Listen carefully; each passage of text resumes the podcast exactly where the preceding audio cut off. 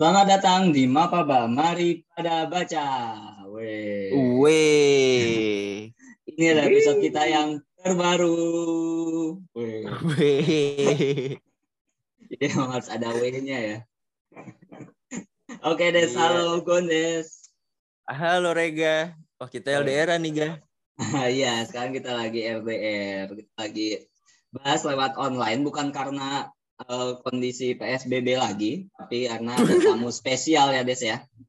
Iya. Ya, ini kita bakal bahas satu buku yang jarang banget dibahas di podcast Mari Pada Baca ini. Jarang, jarang, jarang, jarang, jarang, jarang banget. Hmm. Kapan lagi coba kita bahas buku eh, seperti ini ya? Oke, Iya. eh, langsung aja mungkin kita perkenalkan dulu ya, Des ya. Bintang tamu kita kali ini asik bintang tamu. Asik. kamu Gestar.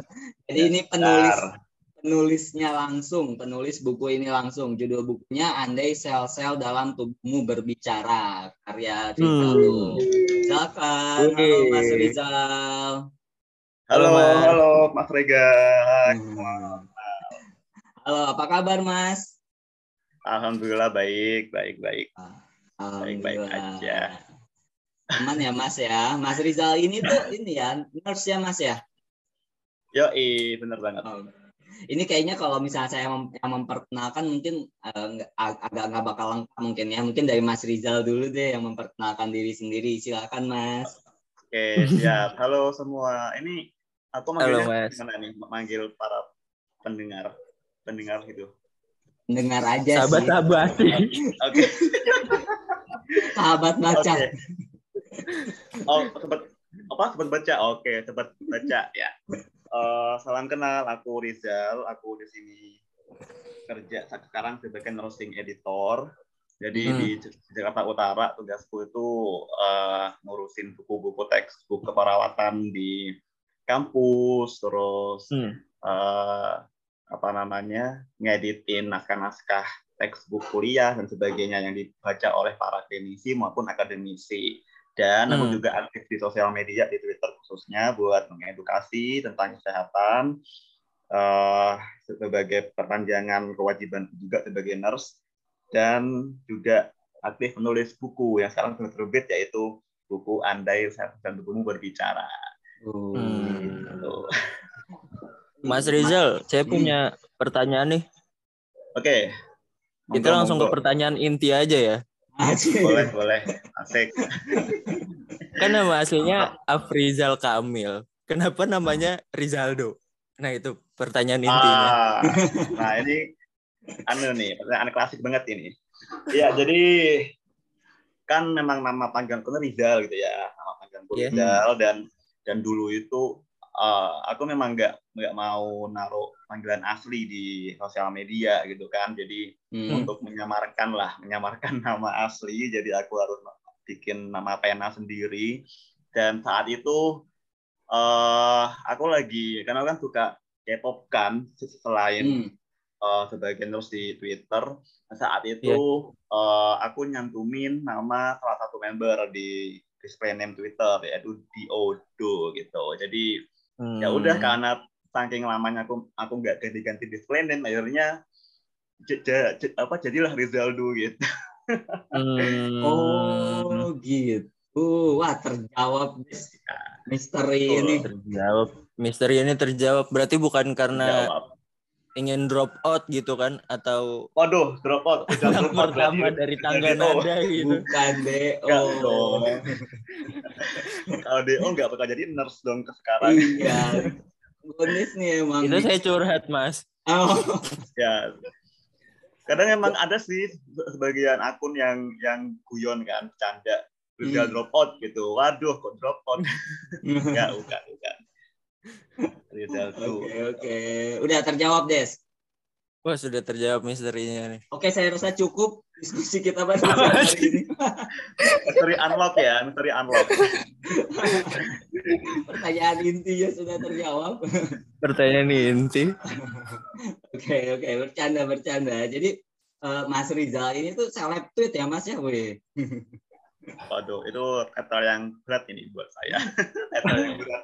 Enggak kok, aku hanya manusia biasa kok. Hmm, iya, soalnya kemarin tuh saya ini mas, jadi uh, sebelum uh, mau pas lagi baca buku ini ya, saya kan baca eh, ada teman saya kebetulan terus saya lagi baca tuh kayak, wih Rizaldo nih, wih, saya mikir, tahu kayaknya bukunya baru terbit saya mikir gitu kan. Oh ya? iya, ternyata dia salah satu pengikut Mas Rizal teman saya tuh. Jadi beberapa teman saya di sekitar saya tuh ada ada yang pengikut Mas Rizal. Ah, hmm. hmm. Jadi pas itu tuh saya bangga lah kayak, wih ini besok nih saya mau apa bikin podcast sama ini penulisnya langsung Mas Rizal. Siap, siap. Ajak, ajak beli bukunya dong dia. Iya, aman. Nanti saya langsung racunin, Mas. Oke oke jadi teman-teman jadi seperti yang uh, tadi sudah disampaikan jadi pemandu pada kesempatan kali ini adalah saya Rega dan Gondes lalu untuk penceritanya hmm. adalah Mas Rizal kita bakal bahas buku uh, ini buku pertama ya Mas Rizal ya? Yuk buku pertama. Nah, buku pertamanya Mas Rizal yang diterbitkan bersama penerbit Bentang dengan judul Andai Sel-Sel Dalam Tubuhmu Berbicara. Hmm. Oke, oke. Ini kita langsung bahas bukunya ya. Langsung kita kulik, Des. Langsung kita bedah. Bedah. Kalau istilah nurse, bedah. Gimana, Des? Dioperasi berarti kuku Gak ya, Gimana, gimana? Uh, jadi Mas Rizal, sebenarnya ini pertanyaan klasik sih. Yang sebenarnya kalau orang udah pernah baca buku ini tuh udah tahu gitu. Uh, garis besarnya tuh buku ini tuh menceritakan tentang apa sih Mas? Uh, dan apa? Dan kenapa dibagi gitu? Dibagi per tiga bab? Apa ada alasannya gitu per tiga bab besar gitu ada alasan tertentunya apa enggak sih gitu mas? Oh ya siap. Jadi hmm. uh, awalnya aku tuh nggak ada niat buat bikin buku non fiksi sebenarnya. Jadi hmm. uh, aku kan aktif di Twitter tuh sejak tahun 2019. Itu uh, semakin lama aku aktif di sana, makin banyak threadku yang aku buat di Twitter gitu. Jadi hmm. uh, mas-masnya juga punya akun di Twitter atau enggak? Wah, saya ada akun ngeluh, Mas, di akun Twitter. Ngeluh. Berarti anu ya, familiar sama istilah tweet gitu ya? Iya. Oh iya ya. Eh, ya, social jadi... justice warrior, Mas. Oh, iya. yang biasa nimbrung di, di rame berarti SJW SJW SJW nah jadi seiring berjalannya waktu lama kelamaan jumlah itu kan makin banyak dan yeah. banyak uh, followers atau non followers bahkan yang yang bingung ketika mereka mau cari tweet khusus yang mau mereka cari misalnya tweet tentang demam atau kejang gitu kan karena hmm. makin banyaknya dan ketimbun gitu nah, akhirnya muncul permintaan buat nulis buku untuk ngumpulin bukunya apa ngumpulin semua tentang telah aku buat gitu kan dan hmm. saat itu sebenarnya kalau aku mau uh, nulis aku pengen nulis fiksi sebenarnya buat kayak hmm. novel gitu kan jadi nggak ada pikiran buat nulis non fiksi tapi hmm.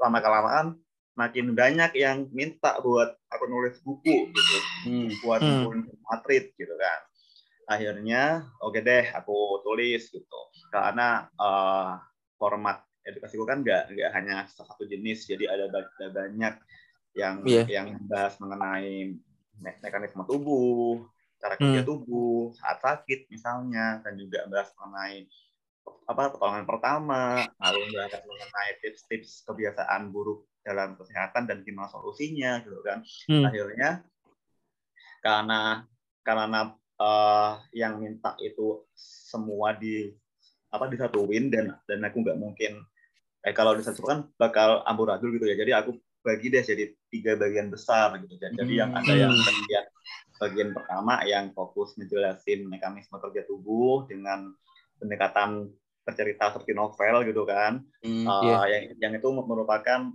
apa namanya uh, selling pointku lah kalau di Twitter mm. terus mm. bagian kedua tentang perawatan kesehatan keluarga yang sudah mengenai tadi tips uh, kesehatan uh, yang misalnya kalau misalnya punya kebiasaan buruk tuh gimana solusinya gitu. Lalu yang hmm. terakhir yang paling banyak diminati yaitu tentang pertolongan pertama. Hmm. Gitu. Jadi buku ini memang fokus untuk ngasih informasi mengenai kesehatan khususnya gimana uh, nolong orang kecelakaan, lalu hmm. kalau misalnya ingin ngerti bagian sendiri bisa baca bagian pertama yang bahas mengenai mekanisme mekanisme tubuh, Lalu hmm. kalau hmm. pengen mau sehat, makin sehat atau mungkin mencegah risiko sakit atau memperbaiki pola pola, apa pola hidup yang yang masih buruk bisa baca di bagian kedua gitu. Hmm. Aku kira kan karena ini apa di bukunya kan ditulisnya kumpulan tulisan dari 2019 sampai 2021 tuh aku kira tuh awalnya gara-gara wah ini pasti gara-gara covid nih gitu yang covid kan banyak banget yang berita-berita yang tidak benar gitu ya. jadi buku ini tuh kayak meluruskan gitu loh berita-berita yang itu. Oh. aku rasa awalnya kayak gitu. Memang sih saat covid tahun 2020 kemarin tuh memang uh, apa ya kayak peak formal lah peak formal akun Twitterku. Jadi karena memang banyak yang butuh informasi gitu kan jadi makin banyak hmm. yang yang tahu akunku hmm. makin banyak yang baca dan makin banyak yang yang minta buat bikin buku oh ya udah deh nulis buku akhirnya gitu hmm. ya oke okay.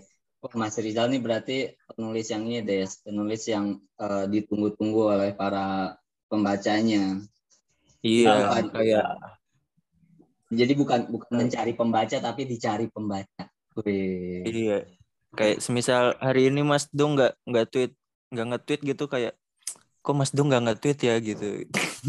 Ditunggu-tunggu tweetnya. Ada ada ketergantungan tweet Mas Rizal nih kayak. Ada anxiety gitu. Oke oke. Oke mas. Ini kan uh, aku ini ya sebelum sebelum bertanya aku pengen apresiasi dulu nih mas. Jadi kemarin pas aku baca tuh bener-bener kayak ini tuh ngasih banget gambaran tentang ini ya, tentang bagaimana habit kita yang biasa kita lakukan uh, sehari-hari dan dampak-dampaknya, terus bagaimana prosesnya bekerja, itu tuh kayak benar-benar ini apa membantu aku sih jujur. Jadi kayak kemarin tuh pas selesai baca tuh langsung serius mas, kayak kan suka gadang ya, sangat sangat sering banget gadang, hampir tiap malam kayaknya gadang deh. Jadi hmm.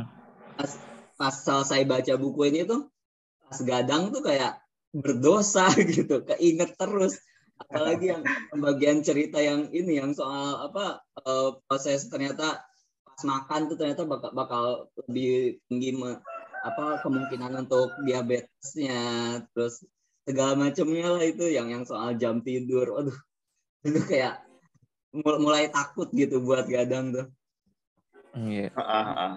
Kalau akhirnya masih gadang juga sih. jadi tertampar gitu ya. Iya tertampar tapi karena keadaan jadi tetap aja gadangnya agak susah sebenarnya nih. Sebenarnya bisa kok kalau mau nggak gadang sebenarnya hmm. ada di, di buku juga aku jelasin kalau hmm. kalau sudah baca. Iya iya iya. Nah mas uh, ini mas aku mau nanya adalah di bagian ini mas. Jadi kan ini tuh ceritanya tuh uh, buku itu cukup unik ya menurutku. Jadi di mana Eh, Mas Rizal ini menjelaskan bagaimana proses sel-sel dan saraf dalam tubuh dan lain sebagainya itu bekerja uh, dengan uh, dengan dialog, dengan uh, hmm. proses gitu, proses komunikasi. Ini pas aku baca buku itu aku kayak kepikiran beberapa film atau ada juga anime ternyata yang aku ingat pernah tonton juga tuh yang filmnya itu yang Inside Out terus yang animenya itu ada yang nyeritain soal uh, sel darah merah dan sel darah putih ada juga seingatku tuh ada ada drakor juga yang nyeritain soal uh, proses uh, apa dalam tubuh itu tapi emosi juga kalau nggak salah itu emang emang gaya menulis ini tuh terinspirasi dari uh, film-film itu kah atau dari mana mas? Ah oke okay. jujur li jujur li hmm. sebenarnya yeah. awalnya aku nggak ada apa namanya nggak ada referensi ke sana aku malah baru tahu kayak misalnya Hataraku Seibo yang anime Jepang itu kan yang hmm. yang apa namanya uh, nyeritain mengenai sel darah merah gitu kan. Aku oh iya tahu, itu judulnya tuh. Hmm. Iya, aku malah baru tahu dari followersku malah. Oh. Yang hmm. yang yang ngomen di tweetku mengenai COVID, mengenai cara cara sel-sel hmm. uh, imun melawan virus COVID gitu kan. Banyak yang bilang, wah ini kok sama kayak uh, apa namanya uh, Hataraku Seibo tapi versi treat gitu. Ada yang bilang hmm Mm-hmm. Ya, intinya sama kayak pertanyaannya Mas Mas Rega apa terinfeksi dari sana atau gimana? Enggak, enggak enggak pernah. Bahkan aku malah akhirnya lihat lihat anime mm. dari dari dari dari mereka yang kasih tahu gitu. Mm-hmm. Karena saat itu karena memang dasar suka nulis novel ya, suka mm. nulis diksi kan memang. Jadi dan apa namanya saat itu aku lagi aku nyoba buat ngejelasin mekanisme kerja tubuh atau fisiologi patogenesis hmm. dengan uh, hmm. mengawinkan gaya penulisan no, apa novel saat itu nyoba ah hmm. siapa tahu uh, ada yang suka gitu kan atau, hmm. atau hmm. mungkin uh, apa namanya uh, kalau pun suka pasti bakal jadi apa ciri-ciri gaya penulisanku gitu kan. Akhirnya yeah, yeah aku aku coba buat buat nulis tweet dengan cara itu dan dan ternyata yang baca banyak banget dan itu menjadi tweet pertama yang sampai nembus likes 90 ribu hmm. likes oh. gitu kan dalam dalam beberapa hari gitu. Hmm. kayak FYP wow, ya. banyak banget. Kalau di situ kan FYP ya. Juga ada FYP ya jadi jadi gitu akhirnya uh, tetap apa karena aku karena banyak yang suka akhirnya aku mempertahankan gaya itu sampai hmm. tahun hmm, tahun ini tahun hmm. dua dan akhirnya hmm. muncul lagi yang komen kayak kayak film Korea Unicell gitu atau kayak Inside Out yang tadi Mas Vega bilang ya memang sama sih secara hmm. besar gitu kan yang yeah. memang menjelaskan gimana cara tubuh di dalam itu bekerja berkoordinasi hmm. gitu ya sama cuman memang nggak ada inspirasi dari sana memang dari aku sendiri yang yang yang ingin ingin oh, meng, okay. apa namanya mengawinkan gaya novel hmm. pada hmm. pada hmm. itu gitu. Hmm. Berarti sebaliknya justru ya Mas ya. Jadi bukannya Mas ngambil dari filmnya, gak gaya film itu, tapi justru Mas baru tahu ternyata kalau itu ada, ada film yang serupa itu ya. Iya benar. Hmm. Berarti, berarti kalau kayak gini ditunggu nih nov, uh, buku keduanya berarti novel nih Des. Fiksi nih. Oh iya bisa jadi. Eh tapi jadi. prediksi gue juga gitu sih. Fiksi tentang kesehatan menarik mas. Kayaknya sejauh ini saya eh belum pernah lihat deh fiksi yang nyeritain kesehatan. Iya memang ada sih rencana buat ke sana nulis novel fiksi juga yang hmm. yang kalian bahas kesehatan. Sudah sudah ada masuk rencana tahun ini sebenarnya. Oke, spoiler, spoiler, Langsung nih gercep. Spoiler gercep. Oke, kita tunggu kalau begitu. Oke, siap. Thank you. Tapi kayaknya kalau gua kira gua perkirakan tuh pasti tentang gaya hidup tidak sehat seperti Rega tuh. Astaga. Kayaknya yang cocok tuh. Sering Wah, begadang. aku masukin nih karakter Rega. Aduh, ya, gitu, minum gitu ya. Begadang, pemabuk, merokok. Waduh, bahaya nih, bahaya nih. Harga. Mas, kan apa yang yang kayak tadi Mas jelasin di awal kalau ini tuh uh, terinspirasi dari kumpulan tweet yang ada di Twitter itu kan.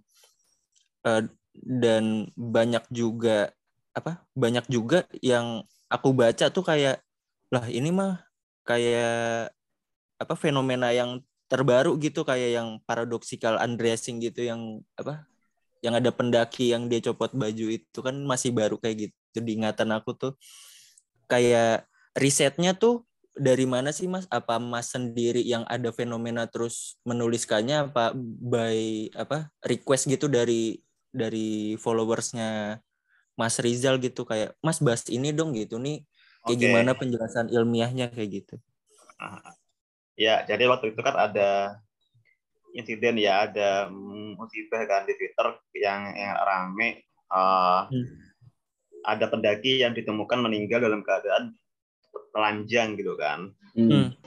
Nah, pada heran rame kan lu kok kok, kok bisa telanjang, ada ada dugaan dibunuh, ada dugaan Hmm. di perkosa, ada du- dugaan yang lain lah intinya yang nggak lazim intinya.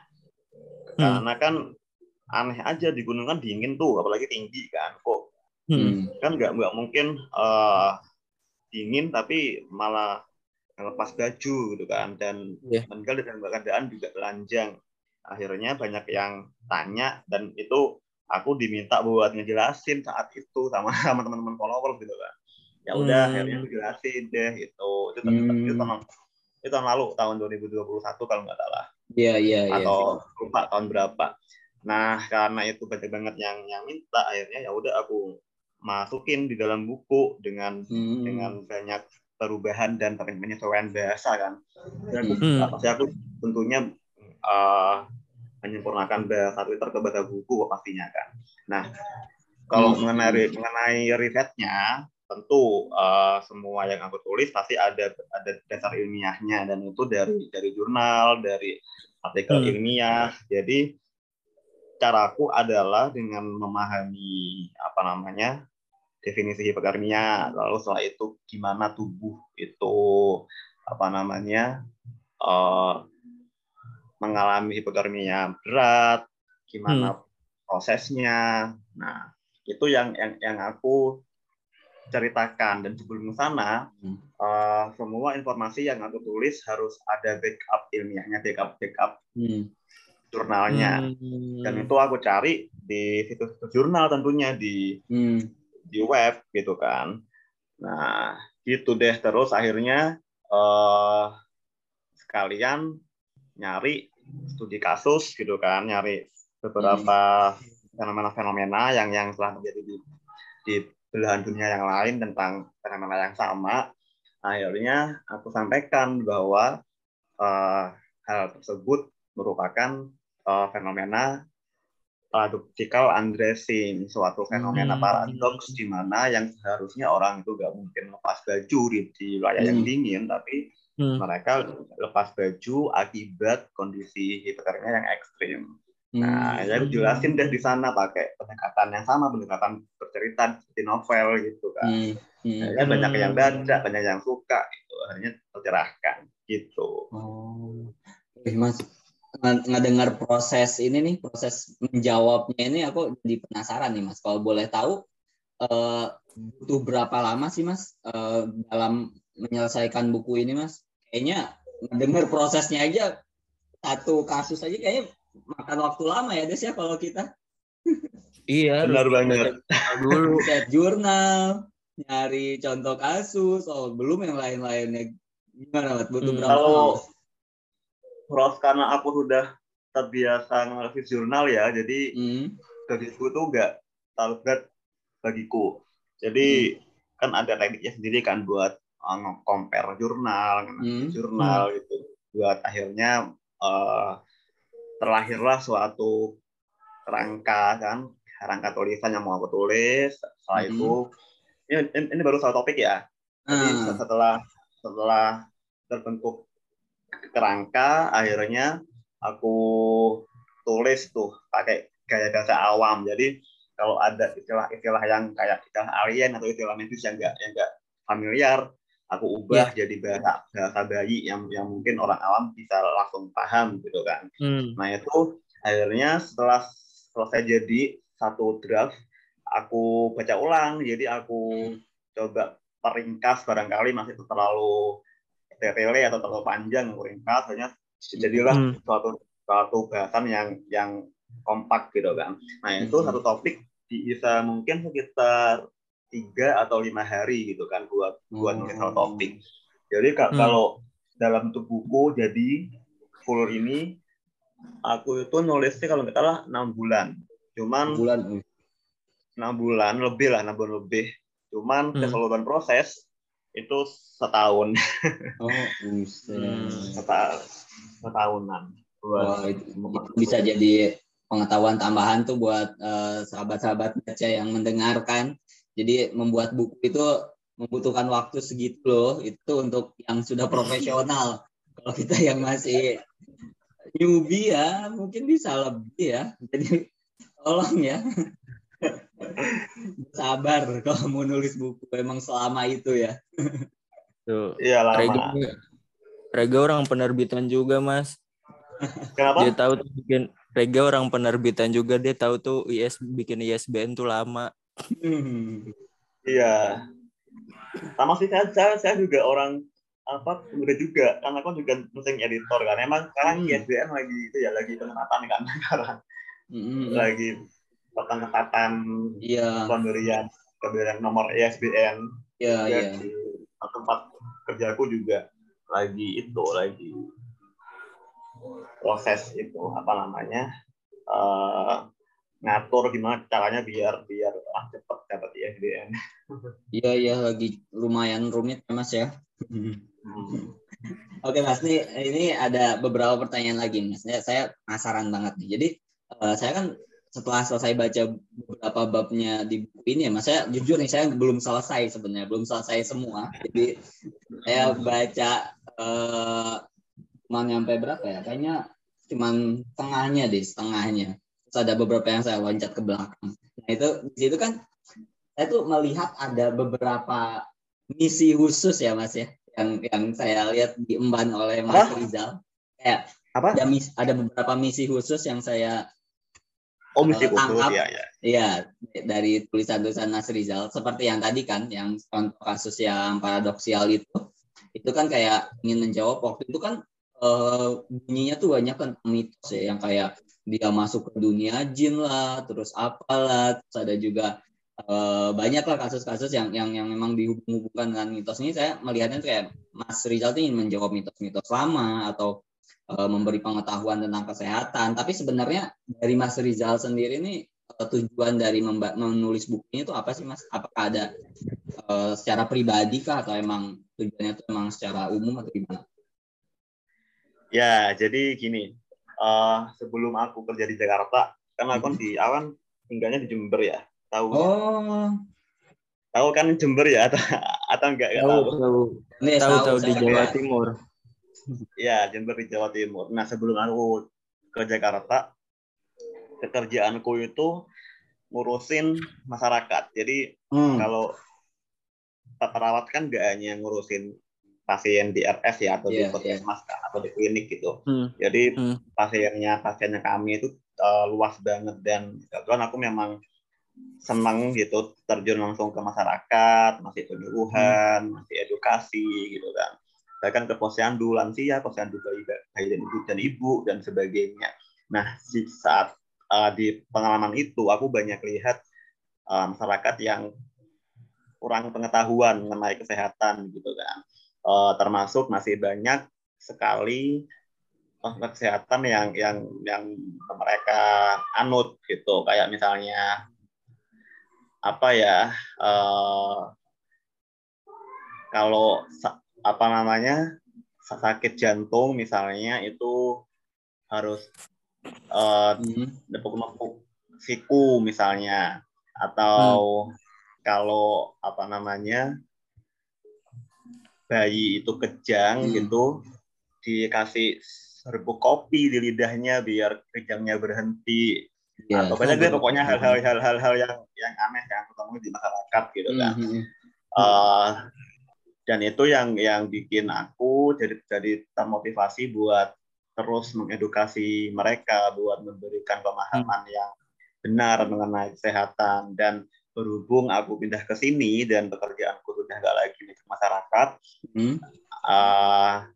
tugasku sebagai nurse kan nggak nggak nggak luntur ya untuk mengedukasi akhirnya aku pindah platform dari yang langsung ke orang jadi pindah ke sosial media di Twitter Hmm. karena Hmm. uh, kalau di sosial media kan pasti bisa menjangkau lebih banyak orang gitu kan di, Iya, di iya. seluruh, seluruh Indonesia gitu sehingga jadi jadi tugasku ini bisa dibilang cenderung lebih mudah gitu buat Hmm. edukasi akhirnya ya udah Hmm. aku lanjut di, di Twitter sampai sampai saat ini yang Hmm. harapanku uh, mak- mak- makin banyak masyarakat yang mulai tercerahkan gitu kan dengan pengetahuan pengetahuan kesehatannya mereka yang harapannya nanti di di keluarga masing-masing bisa disebarkan dan itu bisa hmm. bisa membantu banyak buat menyadarkan masyarakat Indonesia gitu. Hmm. Oh.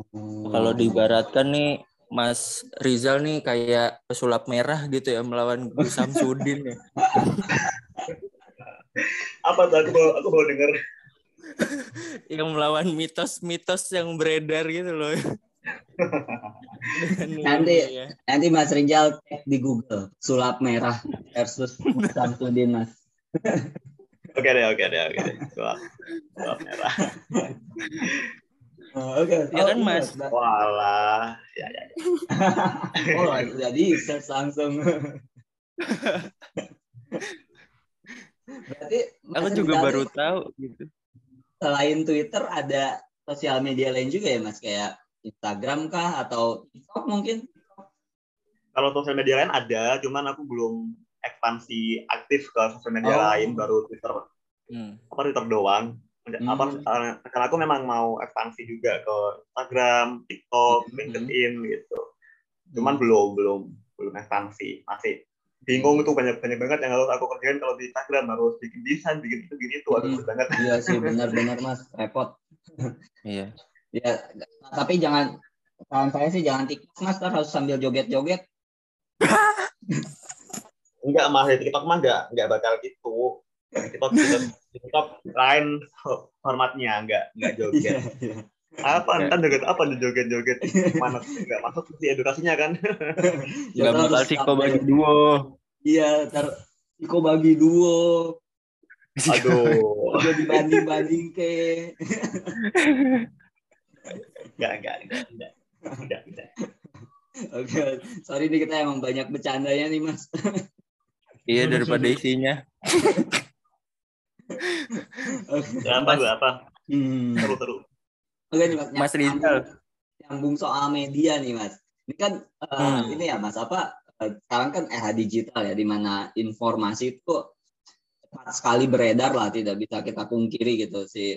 Hmm. Bagaimana sih siapa orang tuh bisa dengan mudah mendapatkan informasi tentang apa tanda-tanda penyakit ini, bagaimana cara menangani hmm. ini gitu. Itu kan sebenarnya uh, baik namun juga terkadang meresahkan kan. Jadi kayak kita tahu ada fenomena self diagnos gitu kan kayak mendiagnosis diri hmm. mendiagnosis diri sendiri gitu Yang hmm. kayaknya tuh mau bikin kayak dia paranoid atau kayak gimana kan sebenarnya. Nah, ini hmm. saya kan melihat buku ini tuh uh, sangat bagus ya dalam penyampaian dan lain sebagainya. Uh, apa saya, saya berpikir tuh kayaknya apakah mungkin gitu buku ini suatu saat uh, saking berpengaruhnya akan menyebabkan ya orang-orang nih jadi lebih paham tentang uh, ilmu kedokteran atau ilmu ya ilmu tentang ya penyakit-penyakit dasar ini gitu dan akhirnya malah muncul hmm.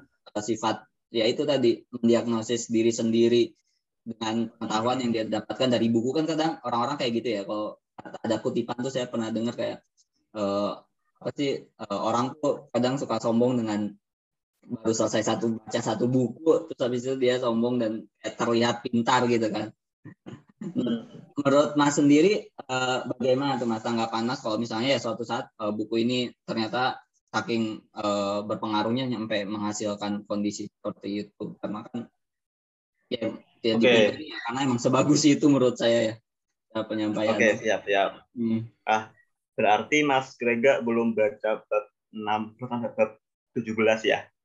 Belum kayaknya. Mana belum baca tuh, Mas. Siap. Kenapa? Mic-nya kurang jelas nih. Oh, jadi ketahuan nih saya loncat-loncatnya.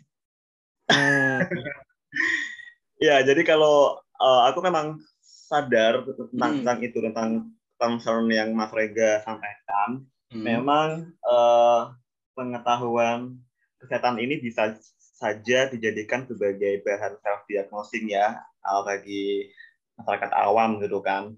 Yang sebenarnya yang sebenarnya itu nggak harus terjadi. Makanya aku di bab 16 sama bab 17 itu yang bahas mengenai tugas kesehatan apa kesehatan keluarga terus gimana aku menjelaskan soal uh, perbedaan evidence base, lalu testimoni, pengalaman masa lalu sama kata-katanya. Di situ aku bahas bahwa uh, untuk bisa menentukan misalnya kalau kita berhadapan dengan suatu masalah kesehatan misalnya ya misalnya uh, diare atau mungkin hmm. uh, kanker atau mungkin perdarahan misalnya. Nah, untuk bisa kita ngelakuin suatu tindakan kan kita harus tahu dulu itu tuh apa masalahnya apa gitu kan. Nah, di, untuk bisa tahu masalahnya apa untuk untuk, bisa menentukan uh, masalah yang benar kan harus punya ilmunya, harus punya pengetahuannya. Makanya aku terus mengencourage bahwa masyarakat harus sering dan uh, rutin baca informasi kesehatan baik di, hmm. di internet maupun di buku-buku. Namun hmm. batasnya, batasannya bagi awam adalah hanya untuk tahu kapan hmm. harus mencari pertolongan medis dan kapan bisa dirawat sendiri. Jadi uh, misalnya misalnya mm-hmm. saat ini lagi mengeluhkan pusing berat misalnya nyeri mm. kepala berat terus BB turun badan lemas mm. gitu kan nah hal-hal semacam ini kan uh, bisa bisa aja merupakan gejala yang baru pertama kali dirasakan seseorang atau mungkin ada yang sering mengalami itu gitu kan nah dengan pengetahuan yang dia dapat harusnya dengan dengan munculnya gejala itu dia bisa bisa tahu kak apakah saat ini kalau misalnya aku kena mengalami nyeri kepala berat apakah aku harus diam di rumah atau aku harus cari pertolongan? Nah itu yang aku bahas di, di dalam buku. Jadi harapanku pembaca bisa ngerti gejala-gejala apa sih yang yang harus di, dijadikan suatu tanda bahwa aku harus segera ke rumah sakit dan gejala apa yang yang aku bisa ngerasain sendiri di di rumah. Nah itu yang yang mau mau aku latih di, di situ di, di bab 16 gitu. Hmm. Jadi hanya apa ya hanya kalau hmm. misalnya kita googling ya pasti hmm. yang keluar pasti orang-orang gini orang-orang biasanya biasanya itu kalau misalnya googling ya googling gejala hmm. pasti gini kayak keywordnya sakit dada nyeri dada misalnya itu sakit apa ya gitu kan atau misalnya yeah. nyeri kepala sakit apa ya gitu kan hmm. mereka hmm. langsung langsung ingin tahu sakit apa gitu loh pasti yang muncul hmm. bakal sesak bakal serem-serem kayak saya kanker serangan jantung diabetes gitu yeah. kan hmm. Nah, itu justru malah malah bikin takut dan cemas hmm. gitu ya, hmm. malah malah jadi menjauhi pemansaan gitu kan. Nah itu hmm. yang yang yang nggak mau yang nggak mau aku terjadi. Makanya di bab 16 sampai aku aku ngejelasin bahwa belajarmu itu bukan untuk hmm. cari tahu kamu kamu sakit apa itu bukan potensi awam itu potensi nakes baik mas maupun hmm. dokter gitu kan kompetensi hmm. awam adalah gejala yang kamu rasain ini itu uh, merupakan tanda untuk segera ke RS atau enggak gitu aja hmm. Hmm.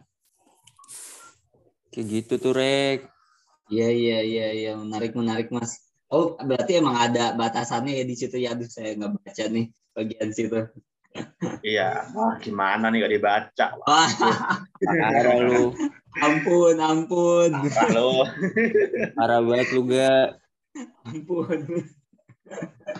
Oke. Okay, Tapi okay. emang hmm, ada ada itunya.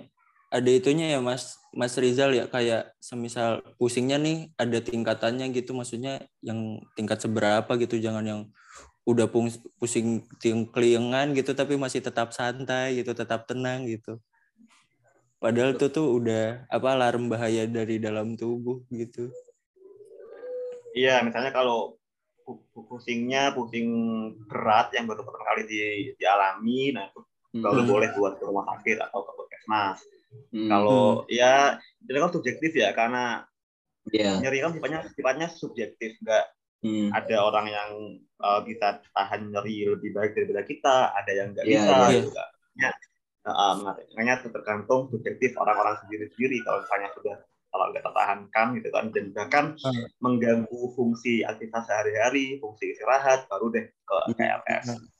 Ya, ya. biasanya kan warga-warga dusun kan itu mas apa yang dia sok strong gitu loh. Aku ya, tetap ya. kuat, gitu. aku bekerja, takut untuk ke puskesmas gitu. Karena takut mahal, jadi mending ditahan aja, misalnya gitu ya. Iya iya benar benar benar tuh mas kayak gitu tuh mas rata-rata beberapa orang-orang di desa bahkan sebenarnya bukan di desa aja des orang-orang di kota juga banyak yang kayak gitu nggak hmm. uh, ini ya itu kadang memang alasan ekonomi menjadi eh, ekonomi menjadi salah satu alasan buat mereka nggak ke dokter kalau sebenarnya kan udah banyak ya yang memudahkan kayak BPJS dan lain sebagainya lah. Iya. Hmm. Bikin Ini mas BPJS ada, apa Des? Apa? Tolong Des. Bikin BPJS, jangan foya-foya. Bung Des itu emang rada usil Mas. Dia suka uh, rada satir Mas. Jadi hati-hati Mas. SJW sejati ya. Oke Mas, Mas. Ini ada pertanyaan uh, terakhir mungkin ya sebelum ke ini sebelum ke pertanyaan penutup. Pertanyaan terakhir. Oke, okay, oke. Okay. Hmm, oke, okay, siap. Pertanyaannya cukup serius nih, Mas. Waduh. Iya nih. Dulu kan sempat sebar isu nih, maksudnya kalau disuntik vaksin kan bisa jadi Titan, benar gak, Mas? Waduh. Jadi Titan. Jadi raksasa itu ya. bercanda, bercanda. Ya, enggak lah. Yang seriusnya yang ini mas itu tadi bercanda. Yang seriusnya tuh? Ini kan di, di buku ini tuh ada bab yang bahas soal rokok ya mas. Uh, soal uh. dampak rokok dan, dan lain sebagainya. Nah uh, pertanyaan saya tuh itu kan rokok tradisional ya mas. Terus saya saya ternyata kayaknya ingat saya nggak nggak ada yang membahas soal rokok yang sekarang lagi marak lah di anak-anak muda ya rokok elektrik itu. Uh, kalau boleh tahu mas uh, sebenarnya dampak dari rokok elektrik ini kayak gimana sih mas? Eh, apakah sama dampaknya seperti rokok tradisional pada umumnya ataukah uh, berbeda gitu? Kalau berbeda kira-kira uh, Mas Ijal bisa jelasin nggak mas dampak rokok elektrik ini kayak gimana sih? Iya ya. Ini pertanyaan yang sangat sering banget dibahas hmm. aku bahas rokok di Twitter. Hmm. Jadi tiap hmm. kali aku ngebahas rokok, ngebahas vaksin di hmm. Twitter, weh muncul tuh buzzer-buzzer. Sebenarnya akun-akun yang yang apa ya, yang nggak suka kalau aku bahas rokok hmm. dan menyinggung vaksin gitu kan. Hmm. Hmm. Saya bukan buzzer mas, serius mas. Jadi kayak kadang ada komen yang gini, ah uh, dia kayak ngebandingin kalau gue rokok masih merasa aman-aman aja tuh gitu kan. Hmm. mungkin hmm. ada yang ada yang membandingkan dengan vape, kalau vape lebih sehat dan sebagainya. Hmm. Ini tuh sebenarnya suatu pembahasan yang agak kontroversial ya karena hmm. bukti ilmiahnya itu sangat beragam dan bervariasi tergantung hmm. dari metodenya. Jadi hmm. kadang kalau metodenya itu hanya hanya ingin lihat perbandingan apa ya perbandingan efek terhadap mm. uh, paru-paru mm. itu yang aku yang aku temuin itu sangat bervariasi juga. Mm. Uh, yang intinya adalah kandungan di dalam vape memang uh, eh gini nih perbedaan antara kandungan kayak nikotin atau tar dan di rokok-rokok mm. konvensional mm. gitu kan memang nggak ada kan di di di, di vape gitu kan. Mm. Namun mm. meskipun demikian bukan menjadi bukan menjadi otomatis HP itu lebih sehat dibanding rokok hmm. atau atau hmm. vape itu sebagai opsi rokok sehat. Nah itu hal-hal yang misleading sebenarnya karena hmm. uh, ketika menghirup HP itu sebenarnya juga ikut memasukkan zat-zat tertentu di, di dalam paru-paru penghirupnya hmm. gitu dan zat tersebut itu bisa uh, sedikit banyak memengaruhi alveolus atau memengaruhi, memengaruhi pertukaran gas di dalam di dalam paru-paru. Nah, hmm. yang aku tahu hanya seperti itu. Aku nggak nggak nggak bisa menarik kesimpulan secara apa ya secara jejak gitu kan secara Hmm. ajak gimana Hmm. gimana apa namanya komparasinya karena memang sangat bervariasi penelitiannya Hmm. gitu. yang yang yang jelas kalau misalnya mau beralih dari rokok biasa ke vape silakan tapi Hmm. eh nge-vape-nya juga harus jangan apa ya jangan dengan frekuensi yang sama seperti rokok intinya Oh, iya. intinya apa ya eh anu lah considerate atau eh dikurangi aja frekuensinya Hmm. misalnya Hmm. seminggu dua kali atau mungkin tiga kali Hmm. Hmm. Oke oke oke mas. Mas. Wah berarti ternyata nggak nggak lebih sehat juga ya mas ya? Sama aja ya sebenarnya efeknya. Mm, mm. wah gua kena ini nih berarti nih. Apa tipu sales vape. Karena memang yang dicari kan kalau sama perokok kan memang efek saat perokok kan yang dicari sama iya. mereka gitu kan. Masa, baik iya. baik perokok vape maupun perokok konvensional yang Hmm. sebenarnya efek tersebut bisa didapat di hal lain misalnya kalau misalnya pengen lebih tenang bisa bisa apa namanya eh, ngopi atau ngeteh atau Hmm. mungkin bisa latihan napas dalam dan sebagainya Hmm. kalau memang mau belajar itu itu aja sih sebenarnya Hmm. iya benar-benar Tuh. mas juga ya lu biar biar tenang lu malah melakukan hal yang boten-boten lu. Bongkonginnya dibanding-banding ke des des Mungkin pertanyaan terakhir nih Mas dari saya nih. hmm. Ah, ah, gimana Eh, gimana sebutkan eh, alasan kenapa kita harus baca buku ini. Tapi kalau menurut saya ya, nih saya dulu nih.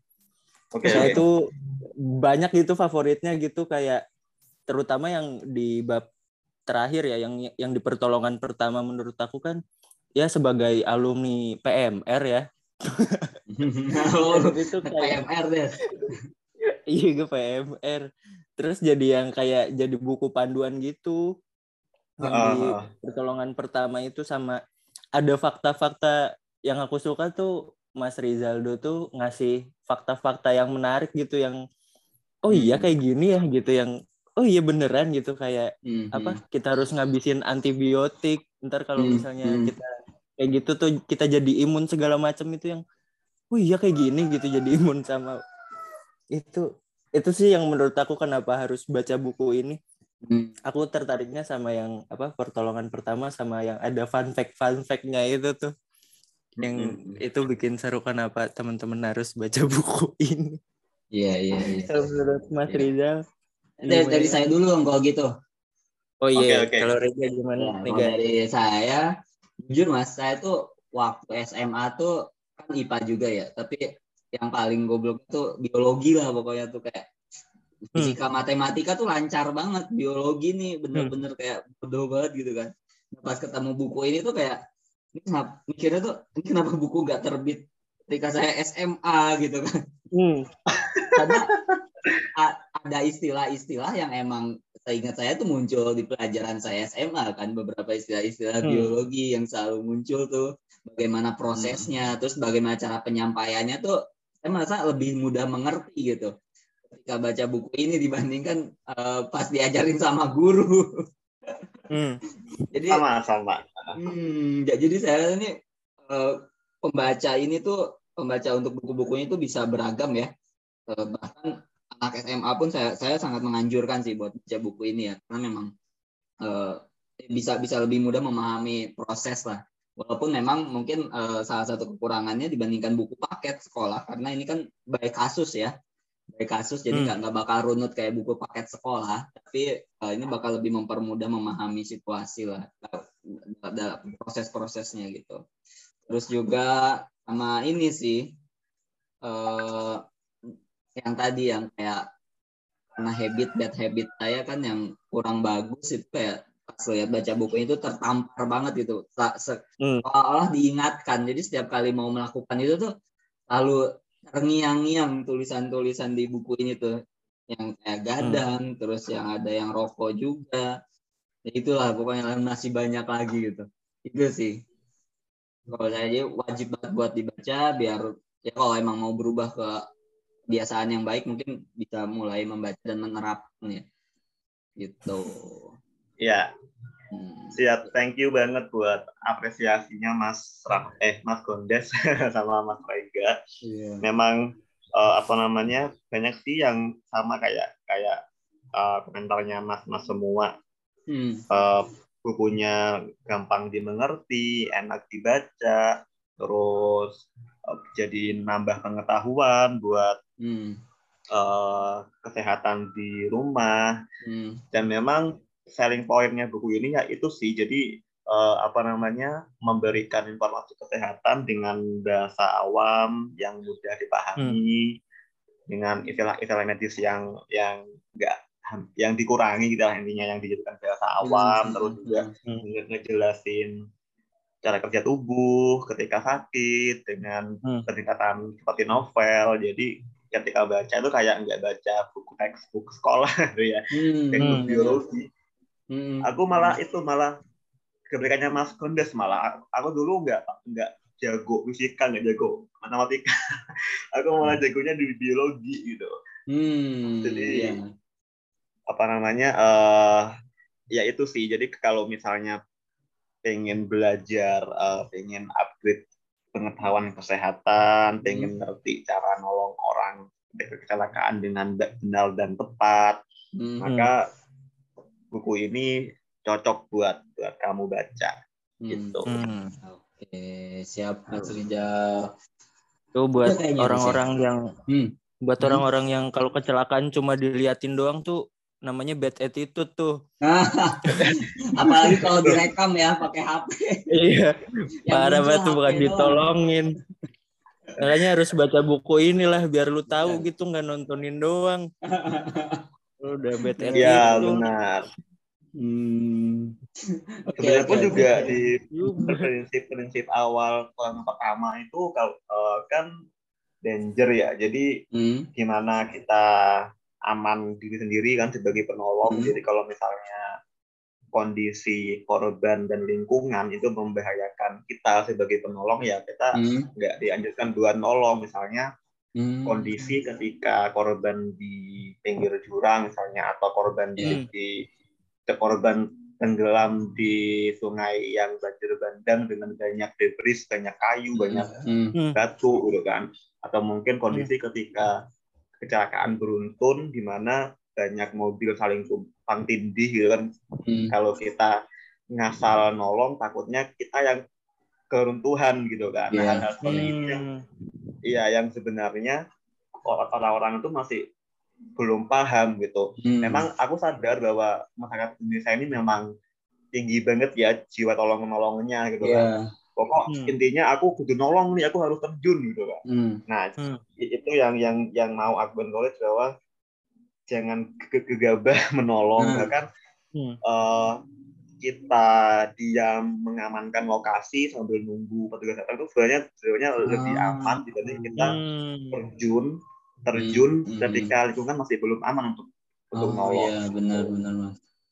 Iya iya. Nah itu deh. Jadi jangan suzon bukan nontonin mereka tuh ngamanin area.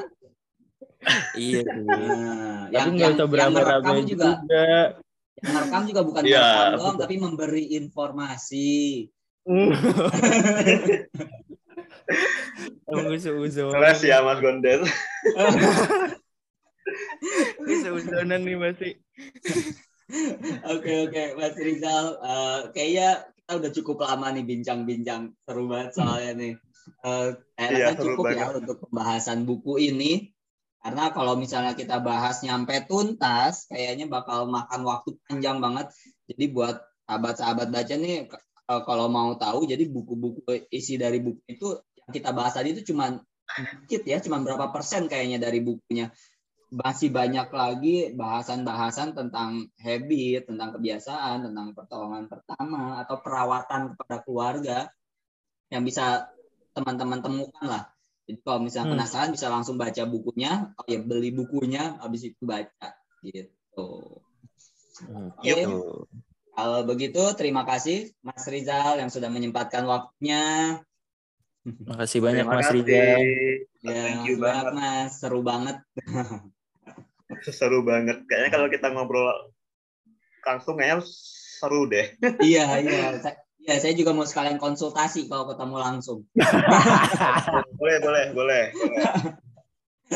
Terus juga, terus juga di Jakarta aku kekurangan teman kamu nih. Kekurangan teman kamu. Siap nanti kita Jarang banget nemu. Kenapa?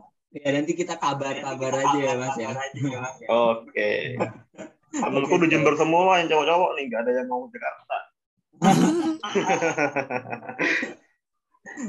ya. Terima kasih, terima kasih kepada para pendengar yang sudah mendengarkan dari awal sampai akhir. Dari Jadi, tengah sampai akhir. Yang mendengarkan aja juga terima kasih. Selamat membaca. Selamat mendengarkan. Why baby? Moga munjaya baby. Wow, oh, oh, ah, oh. Ah, ah.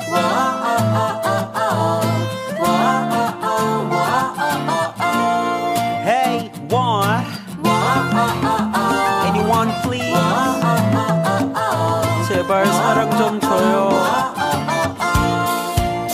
네가 날 싫어해 하는 걸 알아 나는 서운해 그럼 날 왜 넌 못 이해해 You don't understand 난 너를 좋아한다고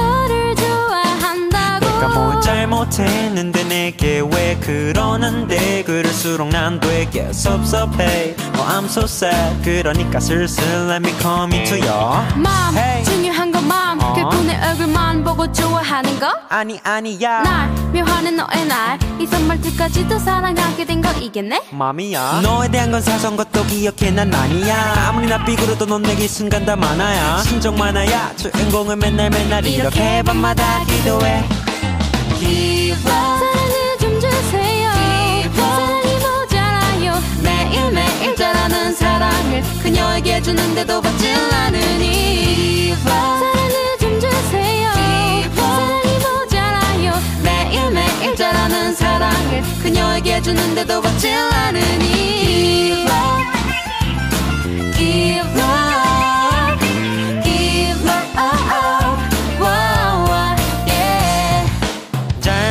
잘못한 것도 없는데 왜 무작정 싫어하고 보는 너? Why can't you understand me? 난 너를 좋아한다고. 네가 날 싫어해 하는 걸 안 후부터 샘솟던 의욕이 다시 들고 설렜던 내 맘도 그치겠구나 했는데 또다시 슬슬 다가가도 될까 바라보는 것조차 싫어할까? 뻔한 몰래 뒤에서 긍긍 전전해. 점점 해가 지면 달빛 정전해. 용기가 나의 마음을 전부 전해. 하지만 그녀와의 사이 거리 너무 멀어 주고 또 주는 사랑이 길 바닥에다 버려. 전화겹처럼 쌓이네. 봄이 되면 흙으로 남아 혹시 기대해 쌓기 돼요. 사랑을 좀 주세요. 사랑이 모자라요. 매일매일 자라는 사랑을 그녀에게 주는데도 받질 않으니 사랑을 좀 주세요. 사랑이 모자라요. 매일매일 자라는 사랑을 그녀에게 주는데도 받질 않으니. Give Give Give 사랑을 좀 주세요. 사랑이 모자라요. 매일매일 자라는 사랑을 그녀에게 주는데도 받질 않으니